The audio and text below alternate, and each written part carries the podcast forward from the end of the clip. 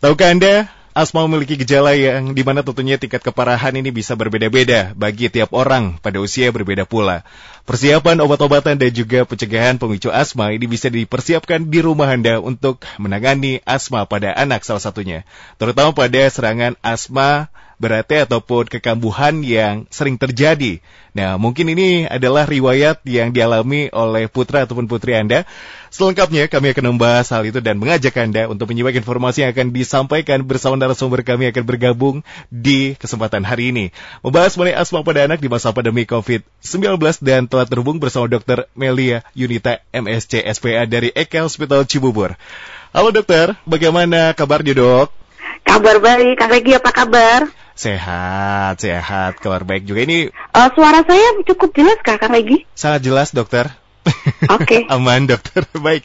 Dok, terima kasih untuk kesempatan hari ini menyempatkan waktu Ya. untuk bergabung bersama kami di Fit Radio Bandung dan akan membahas, memberikan informasi kepada pendengar mengenai asma pada anak di masa pandemi COVID-19. Dok, bagaimana sebetulnya prevalensi kasus asma ini pada anak di Indonesia saat ini di tengah pandemi, Dok? Uh, kalau untuk datanya, kalau untuk uh, insidensi asma pada anak di Indonesia, saya dapat datanya dari uh, data Dunia. tahun 2018 nih masih Bo- Kak Regi. Jadi Baik. untuk asma secara keseluruhan itu di Indonesia sekitar 2,2 persen. Tapi memang untuk anak itu dia sekitar satu setengah sampai 1,9 persen ya untuk insidensinya. Persentase itu bagaimana menggambarkan banyak atau masih Kalau dibanding dengan di Amerika, saya eh, saya bandingkan dengan insidensi asma di Amerika kita Mhm. lebih lebih kecil sebenarnya. Cuman kan baik. data di Indonesia juga kadang kita sulit untuk mendapatkan data yang real ya. Betul, Kemudian betul. juga penegakan diagnosis asma kadang Mhm, masih juga mhm. tumpang tindih. Mungkin yang sebenarnya bukan asma dianggap asma, yang sudah asma beneran mungkin belum didiagnosis oleh dokter ya. Tapi kira-kiranya memang dari data kita di eh, Riskedas, Riset Kesehatan Dasar 2013 dan 2018 tidak begitu berbeda. Bermakna sih angkanya segitu aja. Ya mudah-mudahan juga tentunya angka tersebut bukan berarti menjadi hal yang eh, tentunya malah menjadi bumerang begitu ya tidak memperhatikan kondisi kesehatan seperti asma ini terutama Iya, betul. diderita oleh anak-anak begitu baik dokter Ya. tentunya kita akan eh, mengingatkan ataupun menyampaikan informasi eh, dasar dari sebetulnya penjelasan secara medis dari asma ini apa dok? Kalau untuk penyebab asma memang dia ini jadi orang-orang mungkin taunya ada hubungan dengan ale- eh, alergi ya, Kang Regi. Betul jadi betul. memang salah satu manifestasi alergi pada anak itu salah satunya adalah si asma ini. Nah, berarti untuk penyebabnya kita ada yang namanya menilai bagaimana faktor resiko. Jadi gini maksud saya, kalau misal seorang anak itu dia mempunyai salah satu anggota keluarga, baik saudara kandung maupun orang tua, itu salah satu orang tua atau salah satu saudara kandungnya ada riwayat asma, Nah, si anak ini dia punya faktor risiko sebesar 20 sampai 40 persen untuk dia juga kena asma gitu. Makanya orang-orang sering nyebutnya asma itu keturunan nggak ya dok? Nah, suka tanya gitu tuh. Jadi itu tadi kalau dia punya riwayat keluarga dengan asma itu meningkatkan faktor risiko untuk dia terkena asma juga. Hmm. Apalagi kalau kedua orang tuanya sama-sama asma. Iya. Nah, itu lebih tinggi lagi dia bisa sampai 40 sampai 60 persen untuk terkena asma gitu. Nah, kalau faktor penyebab yang spesifik kita eh, menyebutnya sebagai faktor pencetus atau alergen Mhm, mhm. gitu. Apa saja dokter yang berkaitan dengan itu? Nah, kalau untuk faktor pencetus sendiri itu kita banyak banget. Mhm, Yang mhm. pertama itu biasanya yang paling sering nih ya, Iya, debu rumah. Jadi kita sebutnya Hmm. dust mite ya, house dust mite, tungau debu rumah. Kemudian ada juga bulu-bulu dari boneka ya, terus karpet, terus mungkin ada kipas angin yang nggak pernah dicuci, banyak debunya. Kemudian pemakaian kasur kapuk itu juga memicu. Kemudian yang lain dari asap, asap rokok, mungkin di keluarganya ada keluarga yang rokok, ada papanya, bapaknya atau mungkin kakeknya Mhm, yang mhm. rokok. Nah, Iya. itu juga eh, merupakan faktor pencetus yang paling sering nih asap rokok. Mhm, Kemudian mhm. mungkin ada asap sampah yang lagi dibakar ya di sebelah rumah. Makanya kok anak tiba-tiba kok kumat asmanya kenapa? Kok kambuh? Oh ternyata ada tetangga yang bakar sampah. Mhm. Kemudian juga binatang, bulu-bulu itu bulu kucing, bulu anjing ya. Mhm, mhm. Terus ada juga makanan nih Kang Regi yang anak-anak suka, coklat. Itu dia termasuk alergen utama ya. Mhm, mhm. Penyebab pencetus asma, es krim, kemudian makanan-makanan ringan itu juga bisa me- mencetuskan serangan asma. Yang lainnya biasanya aktivitas misal anak terlalu happy, terlalu excited, dia lari-lari, ya kan lari-lari ke sana kemari main gitu Iya, iya, iya. kecapean, kumat juga asmanya atau ada juga yang bilang eh, apa namanya kalau anaknya ketawa yang sampai berlebihan gitu. itu juga bisa. Ah. Dia lagi happy banget, seneng Iya, iya, banget. iya. Habis itu ketawa-ketawa, terus kumat, tiba-tiba kambuh sesek anaknya. Selain itu juga kalau anak demam atau anaknya batuk pilek eh, selesma itu juga bisa memicu asma, Kak Regi. Itu biasanya yang eh, paling sering ya. Baik dokter, terima kasih telah uh, memaparkan. Uh, ya itu tadi penting ya. Ternyata kalau misalkan apa yang disampaikan dokter ini berkaitan dengan lingkungan, begitu ya. Mhm. Ya jangan jauh-jauh mungkin di rumah, begitu ya. Jadi kebersihan ini wajib harusnya diperhatikan. Iya, benar-benar. Dan kebiasaan-kebiasaan yang tanpa kita sadari bahwa menjadi uh, salah satu hal yang bisa mencetus bahwa asma ini bisa terjadi pada anak kita. Begitu ya Bu ya? yes. Itu dok ya. Iya, betul. Baik, jadi tentunya ini penting sekali diingatkan. Nah, untuk Anda yang tungau ataupun yang mungkin debu, ini harus rajin dan lain sebagainya. Nanti dokter akan menyampaikan uh, secara jelas uh, untuk mencegahnya begitu ya. Dok, nah Ya. kita kalau misalkan berbicara mengenai asma ini, uh, tentunya inginnya tindakan yang dilakukan untuk mengobati ataupun mungkin menanganinya sedini mungkin. Tapi kita juga harus mengetahui gejala-gejala yang spesifik, gejala yang khas biasanya. Ini dirasakan oleh yang memiliki riwayat asma pada anak. Seperti apa dok? Nah, gini, ya ini yang suka kadang-kadang jadi salah kaprah Salah ya. kaprah, Sering baik. banget pasien datang bilang, "Tuh anak saya kok bunyi ngik-ngik, Ngik, ini ngik." asma bukan ya?" gitu. Baik. Padahal sebenarnya tidak semua anak yang ada suara mengi itu Mhm. adalah asma. Oke. Nah, yang khas dari asma itu biasanya gini, Kang Regi. Bagaimana, Jadi si Dok? anak ini dia batuk Mhm. dan atau mengi. Jadi bisa aja batuk aja Mm-mm. atau bisa aja batuk dan mengi atau bisa juga mengi doang tiba-tiba. Nah, tapi gejala itu harus didampingi oleh beberapa gejala lain yang khas. Jadi yang pertama, Iya. si anak biasanya mempunyai riwayat alergi. Mhm, mhm. Jadi 90% anak yang terdiagnosis asma Mhm. itu dia pasti punya riwayat alergi. Nah, jadi kita harus cari tahu apakah si anak ini ada riwayat alergi baik di dia, misal pada saat dia dulu bayi, Mhm. apakah ada eksimnya, ya kan? Kemudian pas eh, dia mungkin sekarang datangnya ke saya umur lima tahun, jadi saya pasti tanya dulu waktu bayi eksim nggak, pipinya merah-merah nggak, atau ada alergi susu sapi nggak? Nah itu itu yang pertama. Kemudian yang kedua, gejala ini harus terjadi berulang. Jadi biasanya orang tua bilangnya, kok anak saya sering banget ya dok, batuk-batuk kayak gini, sembuh nanti kambuh lagi, nanti sembuh nanti kambuh lagi gitu. Jadi berulang, episodenya berulang.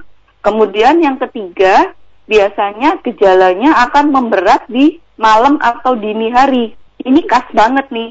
Kadang ada sering-sering banget sih orang tua datang anaknya batuk dok dari pagi dari siang tapi dia baik-baik aja. Nah tiba-tiba waktu malam dia lagi tidur dia kebangun karena mengi.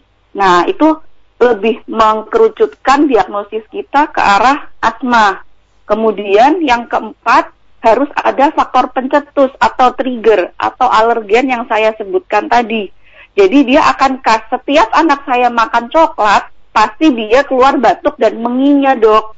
Nah itu kan khas banget. Tapi kalau pas dia nggak makan coklat, ya dia baik-baik aja. Oh berarti kita harus curiga jangan-jangan si coklat sebagai faktor pencetus ya.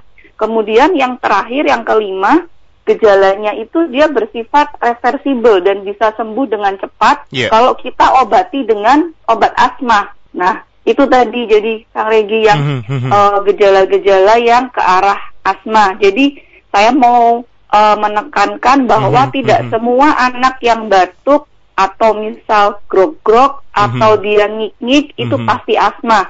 Harus ada gejala-gejala yang tadi dan tentu saja harus eh, ke dokter untuk memastikan diagnosisnya apakah betul asma atau tidak gitu. Tapi kalau misalkan untuk uh, sebagai bentuk kewaspadaan tidak masalah ya dok ya, supaya tentunya ya. kita juga sigap untuk langsung periksakan ke fasilitas kesehatan ya dok ya. Yes, betul. Nah, biasanya kalau misalkan memang sudah terdiagnosis uh, asma, ini tata laksana penanganannya seperti apa khusus untuk anak ini dok? Oke, asma itu sebenarnya kalau anaknya pas lagi nggak serangan, itu hmm. anaknya baik-baik aja, Baik. Ya, anaknya ya. main, anaknya hmm. ketawa-ketawa, tidak hmm. ada hmm. gejala sama sekali. Tapi begitu muncul serangannya yang terpicu oleh faktor pencetus tadi, ya. kita punya dua uh, apa ya, dua grading kali ya. Yang hmm. yang pertama itu kalau gejalanya ringan sedang. Nah, yang kedua kalau gejalanya berat. Nah, bedanya apa? Kalau anaknya bisa muncul uh, gejala asmanya ringan sedang, itu biasanya anaknya masih bisa bicara, masih bisa ngomong dalam bentuk kalimat. Jadi dia mas masih bisa komunikasi dengan baik, tapi memang muncul gejalanya. Nah, kalau gejala seperti ini ringan sedang, kalau memang anak ini sudah terdiagnosis asma, biasanya dokternya sudah memberikan planning Bu nanti kalau misal anaknya kumat dikasih obat ini. Jadi misal banyak banget obat yang untuk uh, asma serangan akut yang ringan sedang yang bisa dipakai ya. Yeah, iya. Biasanya yeah. yang orang awam tahu yang pakai nebul, yang pakai diasepin nebulizer. Itu orang tua biasanya udah punya asal memang udah terdiagnosis asma.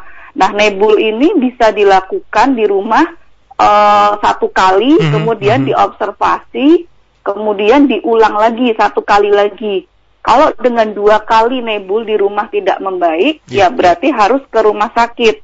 Nah, tentang obat nebulnya apa, mm-hmm. itu harus dokter yang menentukan. Mm-hmm. Pasti sudah dikasih tahu sebelumnya obatnya ini dosisnya segini mm-hmm. gitu. Mm-hmm. Nah, tapi kalau misal dia serangannya yang serangan berat, yeah. kalau serangan berat tuh biasanya udah kelihatan nih Kang Regi si anak Bagaimana, mau ngomong aja nggak bisa gitu hmm. loh. Jadi kalau yang ringan sedang tuh mungkin dia sama sesek gitu dia yeah, masih yeah. bisa ngomong kalimat, mm-hmm. masih bisa aku mau makan, mm -hmm. mau mm-hmm. minum, ya dia masih bisa. Kalau yang berat udah nggak bisa anaknya, terus dia duduknya udah saking seseknya dia udah duduk nggak bisa tiduran lagi, harus posisi duduk, harus bertopang dagu gitu, jadi sesak banget. Nah kalau sudah serangan berat tidak boleh di rumah, harus segera ke rumah sakit Kang Regi.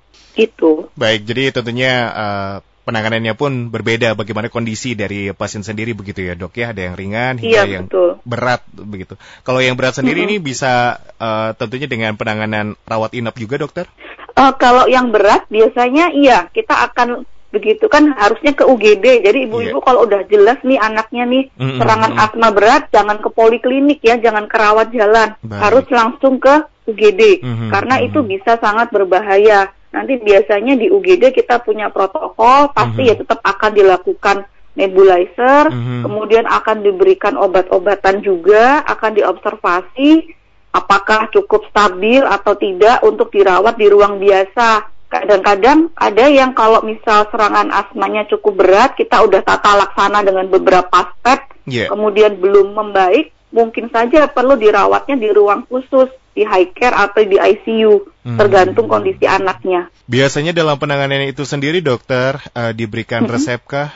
Dok seperti mungkin harus mengkonsumsi atau minum obat atau hanya dengan penanganan yang tadi telah disampaikan oleh dokter? Oh sebenarnya gini, kalau untuk pengobatan asma yeah. itu kita mengenal ada dua macam obat Kang Regi. Yang iya. pertama yeah. -hmm. kita sebutnya obat pereda mm -hmm. atau reliever. Kemudian yang kedua itu obat pengontrol atau controller gitu. Nah, reliever itu dipakai diberikan pada anak pada saat dia serangan hmm. gitu. Tapi kalau controller itu kita berikan untuk uh, dipakai oleh anak setiap hari, baik dia sedang serangan atau tidak. Hmm. Nah, pertanyaannya siapa yang diberi reliever saja, yeah, siapa yeah. yang diberikan reliever plus controller. Mm -hmm. Itu kita ada grading dari diagnosis asmanya, Kang Regi. Makanya perlunya tadi datang ke dokter untuk menegakkan diagnosis asma, karena asma sendiri itu buat kita medis itu banyak yang perlu dinilai.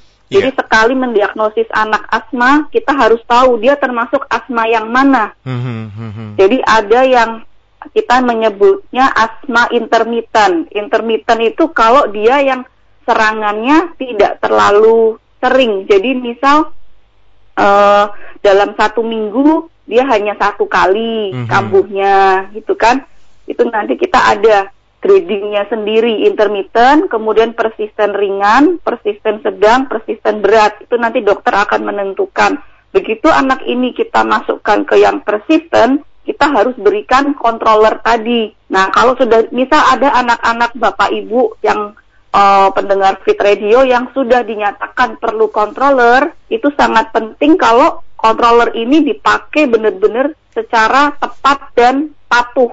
Kadang-kadang compliance atau kepatuhan itu yang agak susah ya Kang Regi, apalagi anak-anak kan. betul, Jadi betul. peran orang tua nih yang betul. Eh, hmm. uh, sangat penting karena kalau sudah dipak uh, di, diminta untuk pakai controller tetapi dia tidak menggunakan secara teratur, oh, uh -huh. ya sama aja sayang-sayang kan Betul. Uh, kita biasanya controller itu kita berikan steroid kan mm-hmm. jadi kita pasti dokternya juga akan pantau kapan dia harus step up kapan harus dinaikkan dosis steroidnya nah kalau mm-hmm. misal anaknya nggak patuh compliance-nya nggak bagus ternyata dengan diberikan controller dia tetap sering kambuh jadi dokter harus menaikkan diagnosisnya juga uh, menaikkan dosisnya nanti diobservasi lagi kurang lebih 6 sampai 8 minggu kalau dia ternyata dalam kurun waktu itu dia membaik, kita akan turunkan dosis kontrolernya. Begitu terus diobservasi sampai akhirnya bisa lepas dari controller. Jadi itu untuk obatnya ya, reliever dan controller. Udah berapa lama dokter biasanya untuk controller itu? Controller itu tadi biasanya satu kali, pertama kali kita memberikan controller, kita akan observasi 6 sampai 8 minggu. 6 sampai 8. Setelah itu harus kontrol, mm -hmm. kita akan decide apakah dia bisa lepas controller, apakah mm -hmm. bisa turun dosis controller atau perlu naik dosis controllernya. Gitu. Jadi kita ada mekanisme step up and step down-nya tergantung Baik. kondisi anak sedikit memang harus uh, lebih spesifik ya kalau penanganannya dengan kondisi yeah. asma yang serius begitu ya dok, yang berat ya. Mm -mm, betul. Jadi memang ada beberapa langkah yang harus dilaksanakan dengan disiplin dan tentu ini menjadi mm -hmm. PR juga karena ini ya, yang uh, tentunya yang dibahas ini kan anak ya. Jadi orang ya, tua betul. ini harus benar-benar ekstra sabar, ekstra memang harus terus mendampingi sang anak untuk uh, dalam penanganan ataupun pengobatan. Lalu iya, betul. dok ini kan uh, jadi kondisi yang berbeda begitu ya uh, di tengah pandemi ini ada beberapa hal juga yang menjadi uh, kebiasaan baru yang selalu kita uh, laksanakan. Di antaranya adalah menggunakan masker ya dokter. Mm-hmm. Ini ada kaitannya dengan penderita asma, terutama untuk anak. Apakah masker juga cukup aman digunakan atau bahkan sebaliknya? Dok, ini bisa menjadi pencetus juga atau seperti apa, dok? Oke, untuk penggunaan masker ini juga secara general ya, baik dia asma atau tidak, mm-hmm. itu secara general anak di bawah 2 tahun itu tidak direkomendasikan untuk memakai masker ya, Kang Regi. Baik. Kadang kita, saya suka lihat juga kalau ada Anak-anak pasien ya. kontrol ya. mm-hmm. ke rumah sakit atau vaksin bayi-bayi, mereka dipakein masker. Nah, itu nggak nggak tepat sebenarnya, kurang tepat dari kita dari Ikatan Dokter Anak Indonesia. Yeah. Kita sudah merekomendasikan bahwa penggunaan masker tidak boleh di bawah usia 2 tahun. Karena kalau anak masih umur di bawah 2 tahun, kalau mereka pakai masker, kalau mereka sampai ada gangguan nafas atau sesak itu mereka kesulitan kadang-kadang untuk melepas maskernya juga gitu loh. Jadi secara safety-nya memang tidak disarankan. Kemudian apalagi kalau anaknya lagi batuk pilek, kan bisa aja dia jadi nafasnya blocking ya, hidungnya tersumbat. Kalau kita pakaiin dia masker, ntar tambah sesak, nggak nggak nyaman juga anaknya. Dia mau ngomong kalau dia sesak juga nggak bisa, ya kan? Jadi kan bahaya. Kalau untuk spesifik di anak asma, sebenarnya selama dia tidak ada serangan, kan dia seperti anak biasa ya. Yeah. Jadi aturannya sih sama aja. Mm-hmm. Di atas dua mm-hmm. tahun baru boleh. Kalau sedang serangan ya pastilah tidak boleh ya untuk memakai masker. Mm-hmm. Tapi juga mm-hmm. harus diperhatikan bahan maskernya. Mm-hmm. Kan tadi itu? saya bilang faktor pencetus serangan asma salah satunya adalah bulu-bulu. Hmm. Nah kalau ibu bapak mau memakaikan masker ke anaknya di atas dua tahun ya tentunya hmm, hmm, hmm. pilih bahan yang biasa aja, yang kain biasa, jangan kan ada tuh ya yang lucu-lucu yang ada bulu-bulunya. Iya iya iya. Ya kan? Anak-anak ya. Banyak tuh yang lucu-lucu. supaya ceritanya supaya anaknya mau pakai masker, Betul. kita beliin yang lucu-lucu yang bulu-bulu. Nah, padahal si bulu-bulu ini kan salah satu faktor pencetus. Jadi tidak kurang kurang tepat. Mm-hmm. Kemudian jangan lupa juga maskernya harus sering dicuci. Karena kalau misal males-males cucinya, banyak debunya di situ, yeah. sama aja si debu ini juga satu faktor pencetus serangan asma. Jadi lebih ke pemilihan bahannya ya, hmm. saya rasa yang perlu diperhatikan. Ya baik pendengar jadi itu yang disampaikan dokter Melia ya bahwa kalau mm-hmm. misalkan uh, masker itu saat ini sangat direkomendasikan untuk dipakai ketika memang apalagi keluar rumah begitu ya dokter ya. Tapi mm-hmm. bahan yang mm-hmm. harus diperhatikan. Baik. Lalu nah ini juga tentunya kan yang disarankan tetap kita harus beraktivitas fisik ya dok, olahraga, jalan, jalan kaki mm-hmm. di komplek Bener. dan sebagainya. Nah apa yang harus diperhatikan ketika kita memiliki anak yang tentunya memiliki riwayat asma juga? Jenis olahraga apa yang disarankan dokter? Iya benar, olahraga pada anak asma ini memang harus berhati-hati karena salah satu faktor pencetus serangan asma adalah aktivitas fisik yang berlebihan. Jadi kita sering juga menemui anak uh, dia kambuhnya pada saat dia main basket gitu. Nah jadi harus memilih jenis olahraga yang lebih aman. Nah biasanya yang lebih aman itu yang tidak membutuhkan daya ketahanan yang tinggi. Jadi maksud saya endurance-nya jangan yang terlalu tinggi. Kalau misal kayak basket, sepak bola, itu kurang aman memang untuk anak asma. Tetapi kalau dia memilih yang jalan ya kan pagi-pagi diajak jalan sama orang tuanya sekalian, kemudian jogging tipis-tipis itu juga boleh ya. Kemudian berenang, tapi berenang juga e, harus memperhatikan waktunya, pemilihan jamnya jangan berenang pada saat lagi dingin-dinginnya ya, misal kepagian atau terlalu sore. Karena kalau udaranya dingin, itu otomatis uh, lebih kering juga kan, dia nggak humid kan, nggak lembab. Nah, salah satu faktor pencetus juga adalah udara yang dingin dan kering. Makanya kalau berenang boleh, itu bo bagus. Tapi kalau bisa ya Mas udah udah agak lembab, udah agak panas udaranya ya, jangan yang terlalu dingin. Kemudian yang lain kalau saya dapat referensi dari uh, luar dari Amerika ya dari AAP dari Amerika mereka menyarankan kalau kayak gimnastik itu boleh ya. Kemudian volley taekwondo itu boleh ya. Tapi memang ada protokolnya. Setiap anak mau mulai olahraga harus ada warming up-nya dulu harus pemanasan dulu. Kemudian juga konsultasikan dengan dokter anaknya Kadang ada anak yang disarankan sebelum memulai olahraga dia pakai obat dulu, mm-hmm. reliever atau kontrolernya dipakai dulu. Okay. Gitu. Nah kadang-kadang ya namanya anak, kadang-kadang juga lupa, makanya orang tua juga harus rajin ngingetin. Nanti sebelum dia mulai olahraga 15 menit sebelumnya pakai semprotan yang ini gitu misal. Ya, jadi harus diperhatikan. Kemudian selesai dia olahraga, jangan lupa harus pendinginan juga gitu seperti yang uh, sudah disarankan. Jadi sebenarnya olahraga sih nggak masalah asal pemilihan olahraganya tepat dan dilakukan dengan protokol yang tepat. Maka jangan lupa konsultasikan ke dokternya karena dokternya kan yang paling tahu oh anak ini asmanya termasuk yang ringan kah, termasuk yang sedang kah atau yang berat. Harus bagaimana supaya tidak sampai asmanya kambuh di tengah-tengah dia serangan, ah, di tengah-tengah dia olahraga itu gitu. Baik dokter, terima kasih. Kita tahan dulu, kita ke pendengar terlebih dahulu yang sudah masuk melalui okay. WhatsApp di 0811 Halo dokter, saya Erika di Pejejaran. Saya dan suami ini tidak ada riwayat asma ya dok, tetapi anak kami yang usianya saat ini 8 tahun, ini terkadang merasa sesak nafasnya, tapi tidak lama kemudian normal kembali. Biasanya okay. sama saya sering diajak untuk berlatih pernafasan dan diberi air hangat. Nah, apakah yeah. anak saya ini termasuk menderita asma, dokter? Atau apakah tindakan okay. saya benar begitu? Terima kasih katanya. Silakan, Dok. Oke. Okay. Jadi, untuk faktor risiko yang saya sebutkan di awal tadi bahwa kalau salah satu orang tua atau saudara kandung ada alergi, si anak akan 20 sampai 40% terkena alergi juga, bisa saja dalam bentuk asma. Nah, bagaimana dengan kalau tidak ada sama sekali riwayat alergi atau asma di keluarga. Nah, itu dari referensi dari penelitian menyebutkan tetap ada faktor risiko walaupun kecil ya, sebesar 5 sampai 15% untuk anak terkena asma.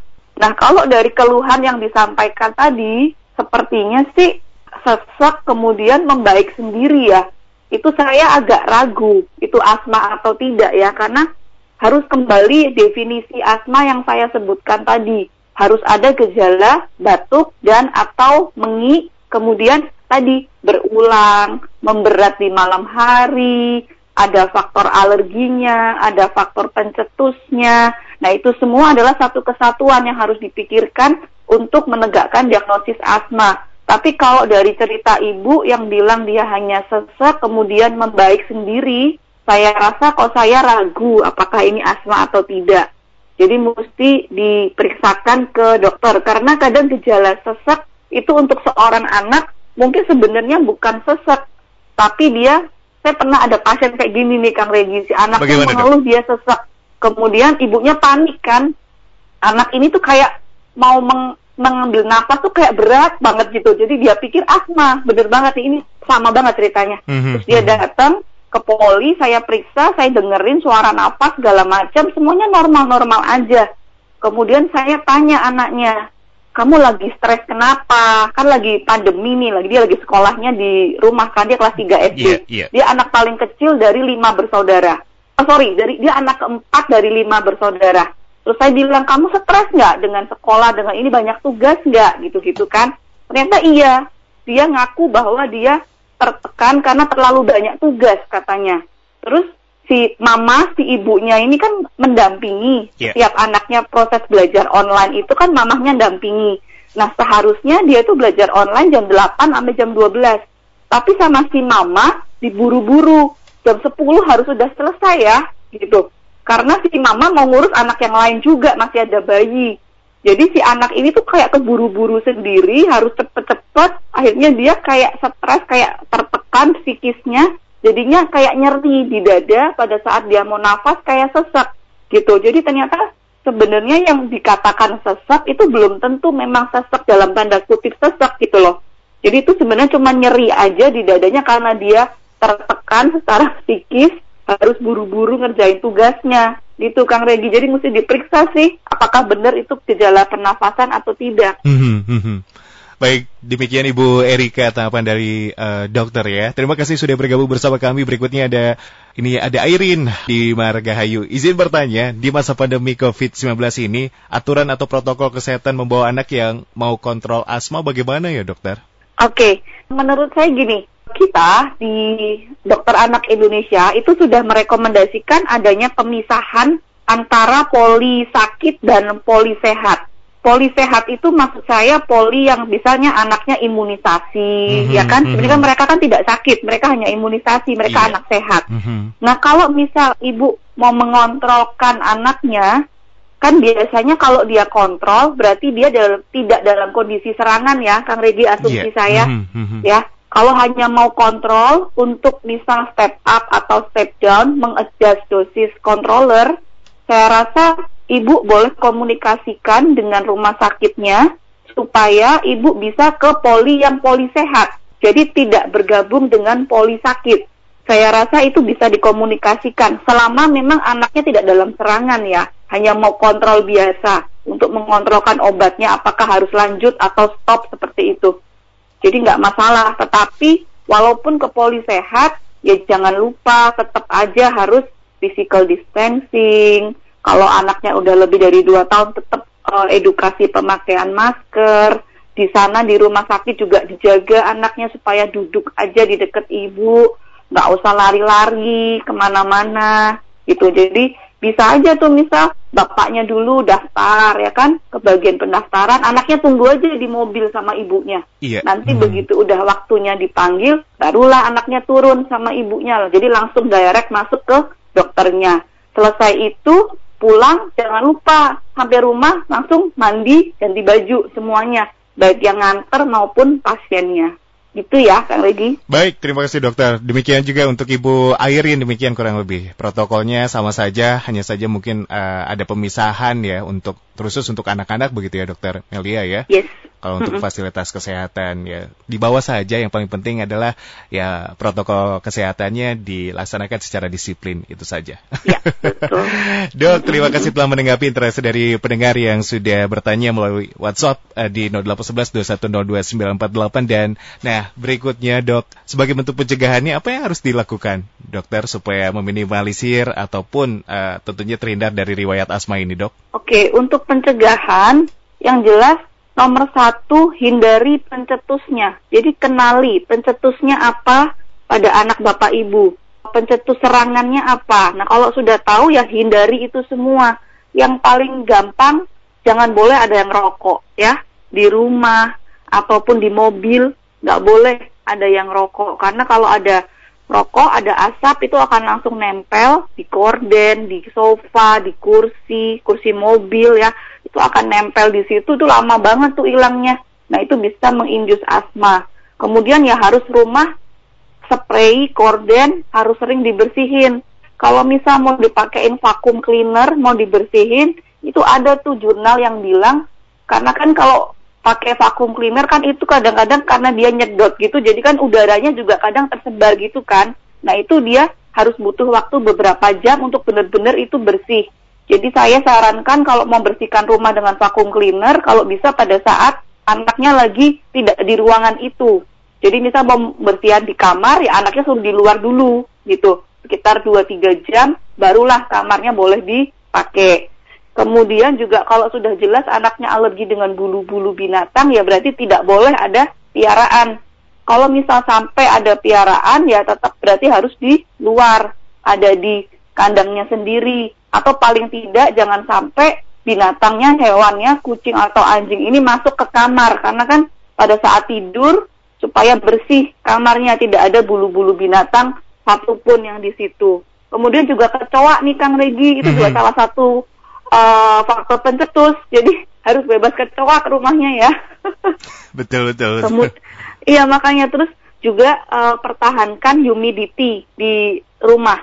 Jadi kalau terlalu dingin, terlalu kering juga nggak boleh, tapi harus lembab, ya itu juga. Kemudian uh, kadang ada juga yang mereka sensitif sama berbagai produk pembersih yang terlalu uh, ada perfumnya. Jadi kalau bisa pakai yang non non perfume aja, gitu, ya. Kalau untuk di Indonesia sih yang saya paling susah mengedukasi itu rokok sih sebenarnya Kang Regi. Bapaknya, kakeknya, tetangganya lah, pamannya itu susah banget. Udah anaknya asma tapi suruh berhenti rokok susah. Nah ini butuh edukasi yang berulang-ulang memang ya. Betul. Dan uh ya memang harus terus diingatkan begitu ya dokter. Ya? Iya betul. Baik dokter terima kasih itu dia bentuk pencegahan yang sudah disampaikan kepada anda yes. pendengar. Berikutnya dok berkenan untuk menyampaikan pesan dan harapan begitu terkait kesehatan bagi Indonesia ya dokter silakan. Oke okay. ya pesannya saya tahu sih kita semua udah pada mungkin udah capek udah bosan dengan ke kondisi ini dengan pembatasan di mana-mana saya sendiri juga mau pulang ke apa ke Jogja saya aslinya Jogja itu juga nggak berani dengan hmm. kondisi kayak gini cuman tetap tolong kita harus pertahankan uh, physical distancing pemakaian masker segala macam itu harus kita harus saling menjaga satu sama lain ya kita harus menjaga keluarga kita juga jaga diri sendiri supaya kita bisa merdeka dari si covid ini ya kang Regi ya Betul, sampai betul. kapan kita kayak gini kalau kita nggak nggak taat sama uh, protokol yang ada. Jadi harus tetap semangat, tetap sabar. Kita pasti bisa melewati ini semua. Amin, gitu. amin. Itu harapan kita semua, dokter. Baik, sebagai penutup yes. closing statement yang ingin disampaikan kepada pendengar, silakan dokter. Oke, okay, untuk anak ibu, uh, anak bapak ibu yang misal terdiagnosis asma nih yang berhubungan dengan topik kita hari ini, saya mau mengedukasi kalau misal pemakaian obat dan segala macam jangan di sendiri, jangan coba-coba obat sendiri. Kalau memang udah ada keluhan ke arah sana, ke arah asma, periksakan ke dokter supaya bisa mendiagnosis dan apa yang sudah dokter rencanakan, planning pengobatannya seperti apa, tolong ditepati, tolong dipatuhi supaya asma itu bisa sembuh asal kita uh, compliance-nya bagus, asal uh, kepatuhan kita bagus. Jadi tetap semangat, dukung anaknya, support anaknya. Kalau yang dapat controller jangan sampai bosan untuk pakai itu supaya nanti akhirnya bisa bebas dari pemakaian obat. Gitu ya, Kang Regi. Tetap sehat semuanya ya. Dan juga tentunya sehat untuk dokter yang terus beraktivitas Amin. dan Ya. juga mudah-mudahan tidak kapok untuk bergabung kembali nanti di lain kesempatan begitu dok bersama Ya. kami untuk berikan informasi lainnya kepada pendengar. Dokter Ya. Amelia Yunita terima kasih untuk kesempatan hari Oke, ini. terima kasih. Sama-sama dokter selalu jaga kesehatan ya dok ya. Terima kasih atas Ya, waktunya. sama-sama.